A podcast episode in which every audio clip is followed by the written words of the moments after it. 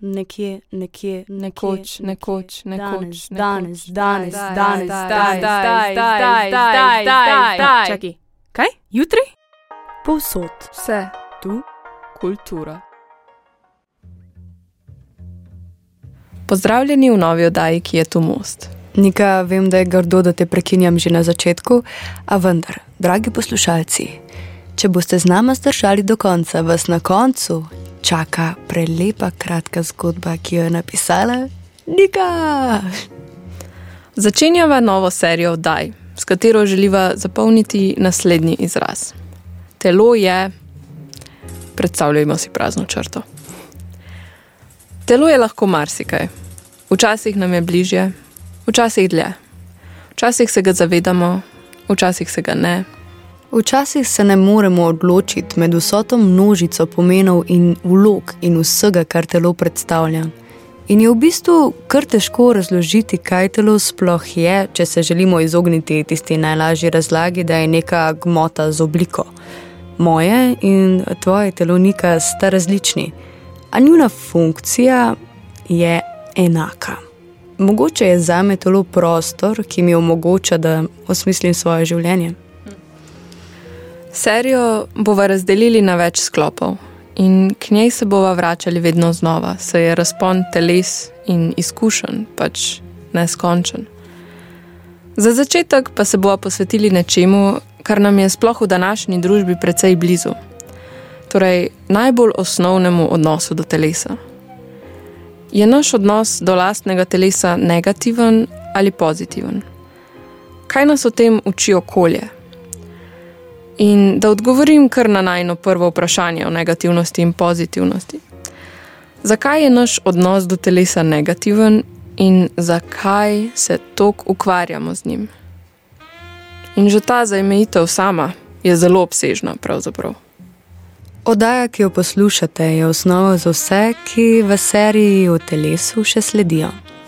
Morda nosi celo tisto najpomembnejše sporočilo, misel, ki smo jo že milijonkrat slišali in si jo neštetokrat ponavljali pred ogledalom. Ljubim svoje telo, tudi če ga kdaj ne maram. Zdi se mi, da je vodilo oddaj o poslikavi teles, transseksualnosti, odtenku kože in starosti, ki sledijo, misel, ki se ji danes posvečava. No, pa začnimo na začetku. Kaj je vloga telesa? Mogoče vprašanje zveni malo smešno, ampak ko tako pomislimo, gremo pogosto skozi življenje, brez da dejansko pomislimo na dejstvo, da no, zapolnjujemo prostor, dejansko fizično zapolnjujemo prostor. In da je to nekaj precej nenavadnega. In ne samo, da zapolnjujemo prostor, znotraj tega tako imenovanega našega prostora, torej telesa, potekajo procesi, ki delujejo sami zase, do neke mere ločeni od okolja, do neke mere pa z njim povezani. Torej, kri se nam pretaka po žilah, mitohondri delajo svojo stvar, ki smo se jo pač učili pri biologiji. Kisik polni celice, inzulin skrbi, da dobimo energijo, ali pa to energijo shranjujejo maščobna tkiva, pa še bi lahko naštevali. Mm, gotovila sem, da znajo na vprašanje, kaj je vloga telesa, odgovoriti le veliki duhovni učitelji, odgovore pa nudijo tudi različne verske knjige. Nikjer pa nisem našla objektivnega odgovora na to, kaj je vloga prečudovitih teles, ki nas nosijo po svetu. Ali pa mi nosimo njih, sej ne vem, smo um s telesom ali telo z umom. Odgovor si lahko ustvarite sami, predlagam pa, da si pogledate TEDxov par minutni video na temo z naslovom Are you a body with a mind or a mind with a body? Mislim pa, da je najbolje, da mi dve ustaneva kar pri tvoji razlagi nika, ker je še najbolj logična. Dobro, torej, kdaj se je začela hiperkoncentracija na telo? Hmm, težko vprašanje.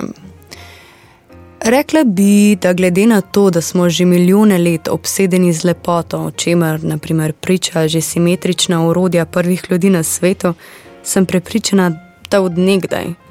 Lepoto pa omenjam zato, ker ne glede na to, kaj je za nekoga lepo in kaj je ne, telesa v osnovi ločujemo na lepa ali pa na ne tako zelo lepa, namesto da bi jih ločevali po naprimer funkcionalnosti ali pa po reproduktivnosti. Če tako pomislim, je bil mogoče fokus v preteklosti na kakšnem drugem atributu telesa, vsekakor pa se s telesom v določeni meri ukvarjamo vsi. Ne vem pa, kaj bi rekla glede tega, kdaj se obremenjenost telesom pri posamezniku sploh pojavi in zakaj ravno takrat. Zavedati se moramo, da se obremenjenost z ideali pomika vse bolj v otroštvo. Kolikokrat sem slišala zgodbe o starših, ki zaničujejo telesa svojih otrok, še več pa o sovrstnikih, ki si dovolijo z nesramnostjo zaznamovati življenja tistih bolj zaničevanih izrednih sošolcev. Barbika, Ken, brez figurice, Vinksice, Batman, celo ninja želve. Kljub temu, da govorim o animiranih likih, imajo izpostavljene določene atribute, ki že malim otrokom pripovedujejo, kaj je lepo, se s svojim najljubšim likom seveda veliko bolj poistovetijo. Da še jaz dodam. V nekem smislu je ta hiperkoncentracija na telo obstajala že dolgo kot vir čudenja. Predstavljam si stare Grke, Kitajce, Indice in mnoge druge, ki so raziskovali, kakšna je povezava med umom in telesom, med čutenjem in mišljenjem, med prejemanjem informacij prek prstov, ušes, oči in kaj nam te informacije pravzaprav povejo. Toda s časoma se je telo spremenilo v nekaj, kar nas ločuje, kar nas drugači in kar vzpostavlja družbeno hierarhijo. To najdemo že v figurah iz otroštva, ki smo jih omenili prej. Telo je postalo izgovor, da se do sočloveka obnašamo tako kot se. To se pravi, predvsem ali jih dojemamo pozitivno ali negativno. Ne glede na to, kdo smo, večina od nas prek opazovanja teles obsoja in predalčka posameznike kot ljudi. Primerjamo se in vrednotimo. Tako je najlažje, saj se nam ni treba ukvarjati s kompleksnostjo razumevanja vsakega posameznika in zakaj je takšen, kot je. Lahko bi rekli, da jih zamrznemo na njihovi površini. So jezero, ki ga opazujemo. Veliko lažje je le predvidevati, da gre za ravno ploskev, na kateri so luna in zvezde in drevesne krošnje in oblaki. Tako nam ni treba potunkati glave noter, ker se pač vsak trudi, če bi moral preplavati recimo 25 jezer na dan. In ne bom rekla, ali je to prav ali napačno. Seveda je logično, da se ne moremo globoko posvetiti vsakemu človeku na cesti. To pa ne pomeni, da je prav, da jih obsojamo na podlagi telesa. Veš, ta prispodoba mi je všeč, ker je tako resnična tudi če nočemo obsojati glede na vides, se zdi resnična. Do določene mere je presojanje ljudi na podlagi zunanjosti kar dober obrambni mehanizem, po drugi strani pa nevarnost, ker vsi vemo, da vides vara in da se knjig ne sodi po platnicah. Sonja Renee Taylor v knjigi The Body is Not an Apology, ki jo bo nekaj kasneje malo bolj predstavila, navaja, da drugačno oziroma nekaj, kar ne spada k standardom, dojemamo kot napačno, zato ker je to lažje kot ne razumeti. Čeprav razumem, se nečemu ali nekomu, ki se nam zdi čudaški, izognemo zato, ker pred njim ne želimo izpasti nevedni, običajni, v nasprotju z njim, ki je tako čudaški in zanimiv, da je pritegnil našo pozornost. Kar je logično, ker si Priznam, tudi sama mnogo krat želim biti videna, pa tudi če to pomeni, da sem obsojena. Ljudje preživimo preveč časa za druge, ne živimo zase. S prijateljico smo se nekaj tednov nazaj pogovarjali, kako se nam zdijo vsi najni prijatelji resnično lepi. Na začetku se mi morda nekdo zdi pač poprečno človeško bitje. Ko pa ga ali jo bolj spoznam, jih začnem videti čisto drugače. In točno to nam pove veliko o tem, kaj počnemo s človeškim telesom. Kako močno naše poznavanje posameznika vpliva na to, kako ga vidimo in kako relativno je vse skupaj.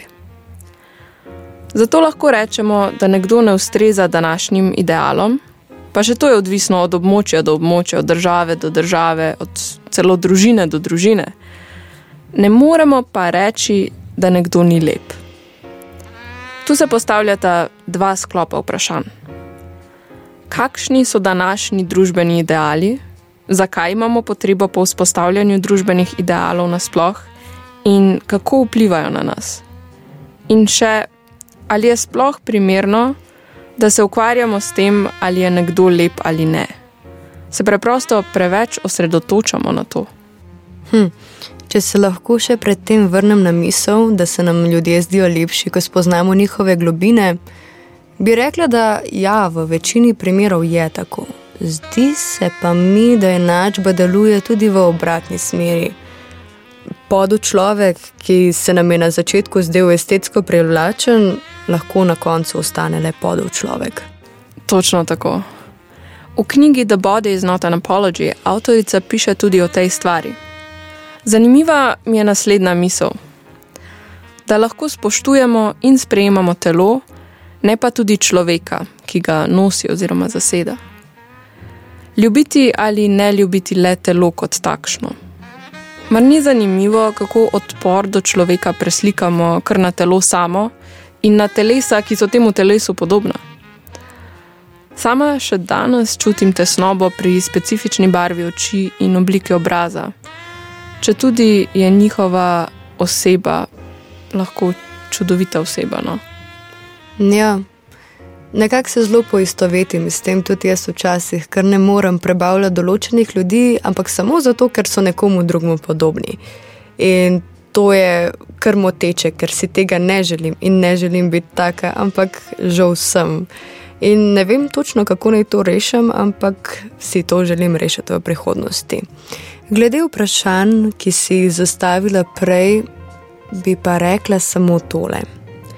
Seveda se osredotočamo na to, kako izgledamo, in tudi na to, kako izgledajo drugi, in se med sabo primerjamo. Mislim, da je zatem nekaj naravnega, definitivno pa je še več družbeno pogojenega. And there's a sunset the sky,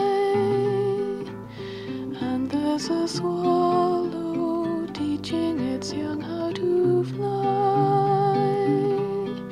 Upon high, see how fast the summer passes by.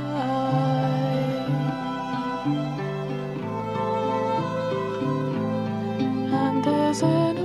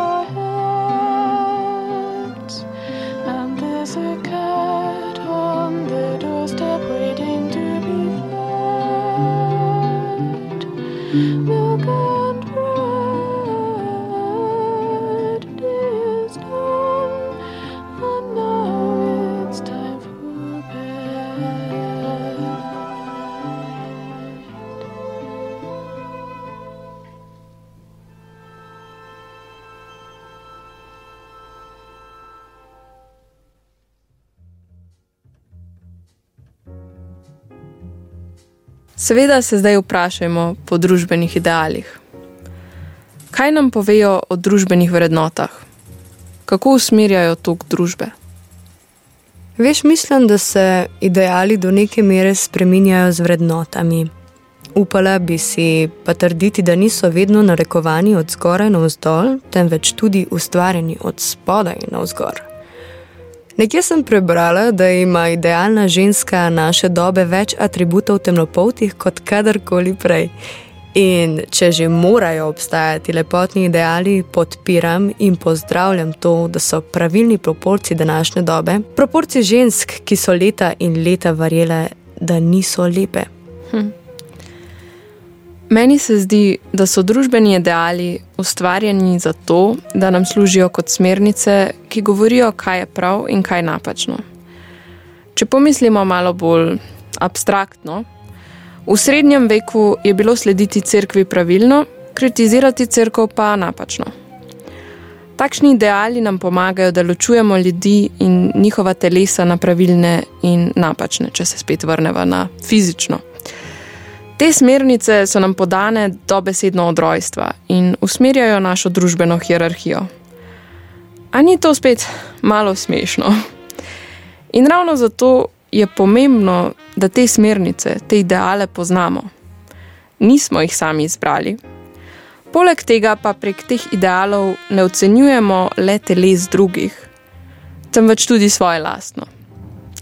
In kaj se zgodi, ko naše lastno telo ne ustreza smernicam, kar se skoraj zagotovo zgodi, če ne drugega zato, ker se naše telo vse čas spreminja. Hmm, a se spomnite serije Grda Račka? Tisto temnolaso dekle z očali in zvezdicami dela v neki pisarni, se na glavo zaljubi v nekega tipa in naredi skoraj da vse, da bi mu ustrezala. Klasičen film o dekletu, ki bi naredilo vse za izbranca, ki na koncu pove, da mu je všeč takšna, kot je. Verjetno obstaja tudi kakšen film ali serija, kjer se dekle spremeni za dekle, fant za fant ali fant za punco. In zdi se mi problematično, da se lahko spomnim le grde račke in njej podobnih serij in filmov. Lepotnim idealom in ideji, da nas bo imel nekdo rad samo, če bomo ustrezali množici kriterijev, ki si jih verjetno ustvarimo kar sami, žal ne ubeži nihče starostniki, ameriški staroseljci, mišem učilnikar, nihče. In rada bi povdarila, da se, ko je govora o telesu, skoraj da vedno pogovarjamo o belopoltih ženskih telesih. Pri tem pa izpuščamo množico ostalih, ki morda s svojim telesom shajajo še teže, ker o njih ne govorijo na glas. Hkrati pa jim tega glasu ne dajo, mogoče celo ne damo tudi drugi. Pri tem se mi pa poraja vprašanje, pa je sploh smiselno, da se v telesih tako pogovarjamo, če v njih že tako in tako konstantno razmišljamo, kje je tista meja. Najprej bi rekla, da ta množica kriterijev, ki si jih ustvarimo sami, v bistvu niti ni tako samoumevna. Včasih je tanka meja med tem, kaj si ustvarimo sami, kaj pa v bistvu pogojuje družba in nas uči družba da si potem ustvarimo sami in imamo mišljenje in mnenje, da smo si to ustvarili sami. Za drugo stvar pa mejo je težko določiti. Najbrž je, kot si rekla, Miša, odvisno od tega, za čigavo in predvsem mogoče za kakšno telo gre. Po eni strani je telo plovilo, ki nam omogoča življenje, po drugi strani pa nas hočeš ali nočeš dela del skupnosti. Vsi imamo koščke sebe, ki družbeno niso sprejeti, ki niso normalizirani ali prikazani, ali pa, če že so, so kot pomankljivosti. Zakašljajmo in pomislimo na medije, reklame, ogromne denarje, ki so za vzpostavljanjem kompleksa pomankljivosti.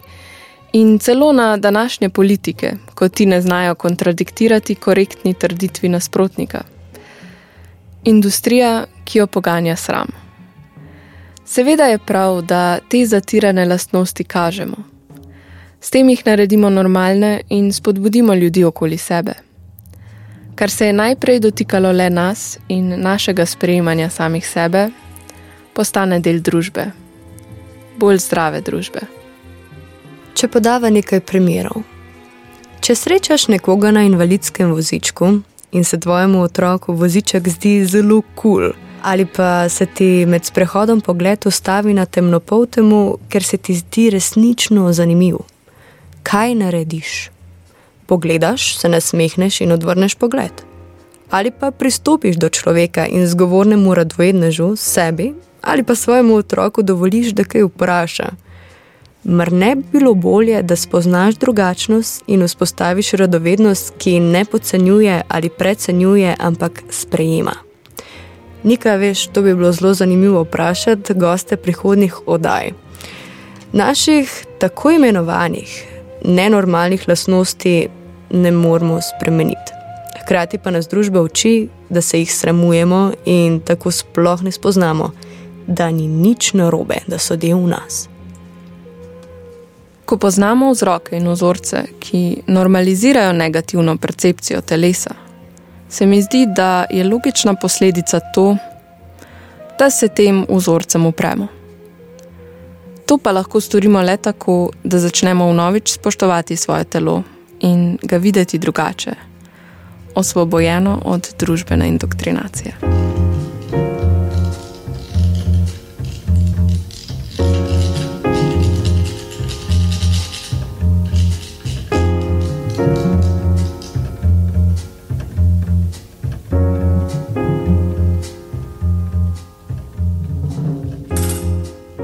Ob koncu vas jaz, torej Nika, puščam z nekaj knjigami, ki jih bova navedli tudi v opisu in ki se mi zdijo dober začetek gradnje odnosa s svojim telesom. Rada bi tudi dodala, da pot ni lahka, vsaj na začetku ne. In to verjetno marsikdo že ve. No. Um, hkrati pa, da zahteva izzivanje samega sebe, poskušanje in predvsem poslušanje. Torej, zaupanje samemu sebi in svojemu telesu. Hkrati pa zahteva tudi dobro mero sočutja do nas in do drugih, ker smo vsi nekako žrtev sistema. Z vsakim korakom pa si je vsak posameznik bližje. No, te knjige so The Body is Not an Apology, avtorice Sonja Renee Taylor, ki res lepo povzame razloge za naš odnos do telesa, aktivizem in to, kako odnos spremeniti. Skozi njo spoznaš lastne predsotke in podzavestna prepričanja in jih lahko preoprašaš na varen in neobsojajoč način. Pove, zakaj je to preopraševanje nujno ne le zase, temveč za bolj strpno družbo kot celoto. Je brljiva in direktna, žal pa ni slovenskega prevoda. Druga je knjiga ki je sama sicer še nisem prebrala, je pa definitivno na mojem seznamu za bližnjo prihodnost. To je The Beauty Myth avtorice Naomi Wolf. Če te zanima bolj podrobna analiza povezave družbe, politike, moči in percepcije lepega telesa, je ta knjiga zate, tako kot je zame. Recimo. Definitivno pa se splača prebrati tudi dela Brené Brown, raziskovalke, ki se ukvarja s sramom, pogumom in ranljivostjo. Tokratno nagradno vprašanje brez nagrade se glasi: Ali je sploh primerno, da se ukvarjamo s tem, ali je nekdo lep ali ne? Se preveč osredotočamo na to. Odgovor na nenagradno vprašanje pa nam lahko pošlješ na mail neki imam zapovedati afnagmail.com. Opozorilo: dva ijasta. Ker tudi medve nimava pojma. What she wanted. I'm a bad boy, make loving. I'm a, I'm a, I'm a bad boy, make loving. Hey, sound like pastor. I got young shh, call the pastor. She got good brain, she a master. Little Einstein, bitch, I'm a blaster. I can go slow go faster. If I bust quick, that's a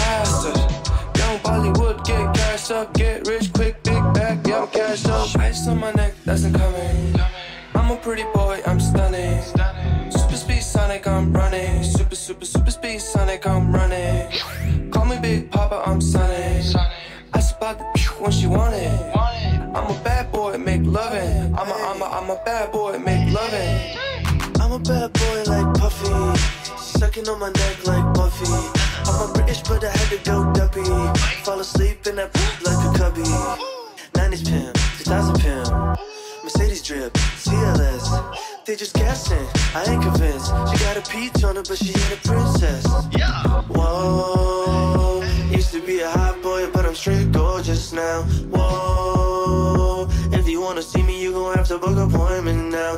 Whoa, baby, call me stone cold, cause I'm so stunning. Yeah. Whoa, I smell like fresh cookies at the oven, make some money. Ice on my neck, doesn't coming. I'm a pretty boy,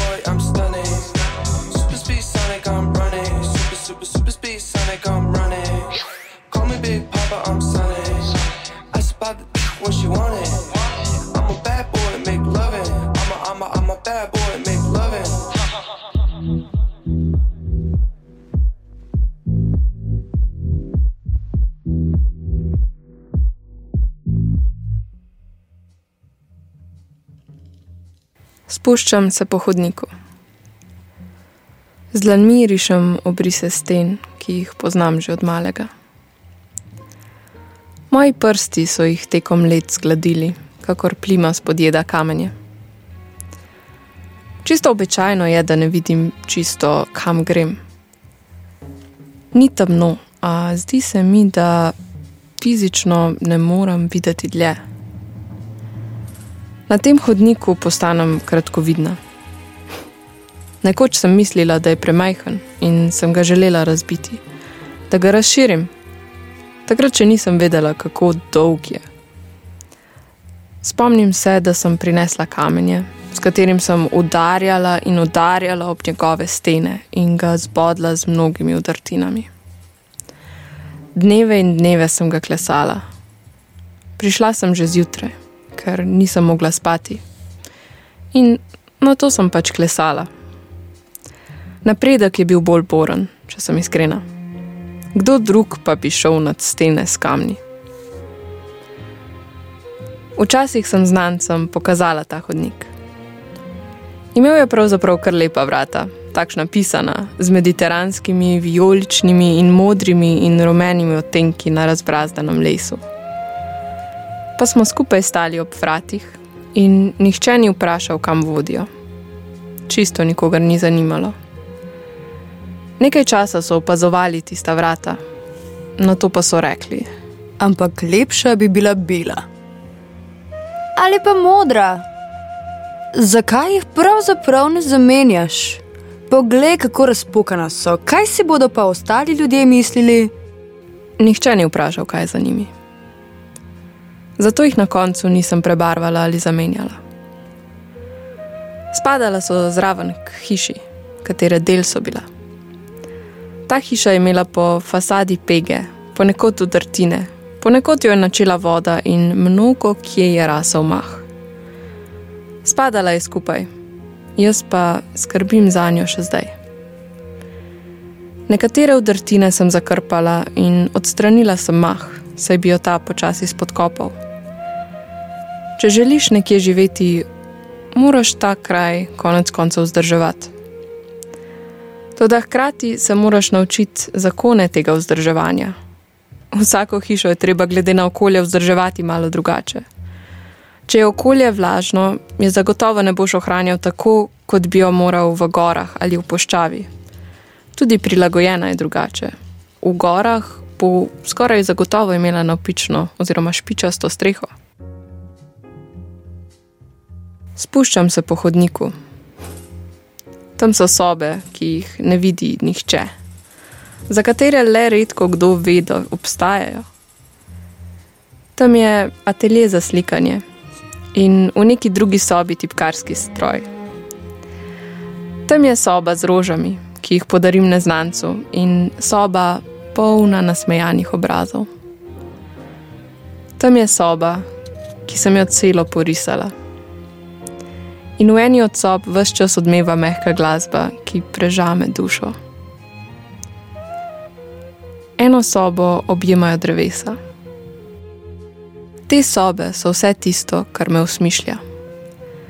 Našla pa sem jih šele takrat, ko sem nehala tako burno odrihati s kamenjem ob stene in sem jih raje zatipala s prsti. Takrat sem bila že utrujena in ugotovila sem, da ne vem več, zakaj delam, kar delam. Udarjanje je bilo le rutinsko, ker nisem vedela, kako drugače zapolniti čas. Kakšne so tvoje sobe? Moj dom se vse čas spreminja. Vsak dan ga spoznavam znova. In vsak dan znova ugotavljam, kako ga lahko uporabljam, kaj lahko storim znotraj njegovih sten. Predmeti se premikajo, stene luščijo in spet se sestavljajo skupaj, barvajo se in spet pleskajo z belo. Ponekod se nabira prah, ponekod pa ta prah zlato ukvirjo sončni žarki. Ampak samo na določen dni, če to opazim. Moje telo je moj dom. V njem se počutim varno, ker vem, da me varuje. Omogoča mi, da živim, da ga krasim in se izražam. Je tu, da skrbim za njega, in hkrati je tu, da grem lahko vmes na izlet, v čustva, raziskovanje ali pa domišljijo, in da se imam na vse zadnje kam vrniti. Nika, včasih sem presenečena, kakšno globino ima tvoja duša.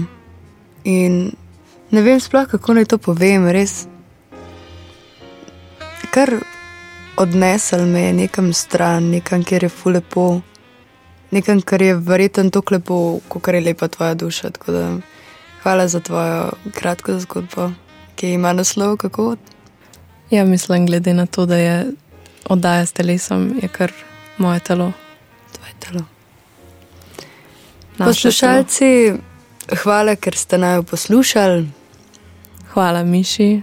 Hvala, Niki. Hvala, Luki. In ja, se vidimo in slišimo naslednjič, ko nadaljujemo serijo v telesu, ki se nam zdi zelo pomembna. Pa lep dan še naprej, ne? Ja, majte se radi.